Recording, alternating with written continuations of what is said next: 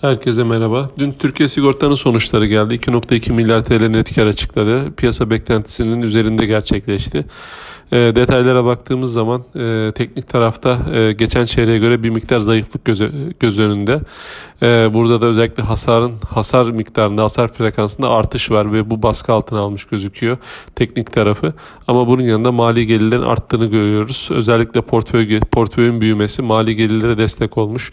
E tabii yüksek olan e, faiz oranları da e, yine e, portföyden e, mali geliri e, mali gelir yaratmasına sebep oluyor şirketin. Bu da e, karlılığı destekliyor. E, sermaye getirisi olarak bakarsak %64'e ulaşmış ki geçen yıl %19'lardaydı. Büyük bir ilerleme.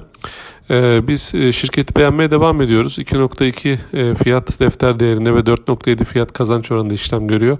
Ee, değerlemesini cazip buluyoruz. Hedef fiyatımızda 55 lira 73 kuruşa revize ediyoruz. Daha önce 41 lira 82 kuruştu. Ee, endeks üzeri getiri tavsiyemizi de korumaktayız.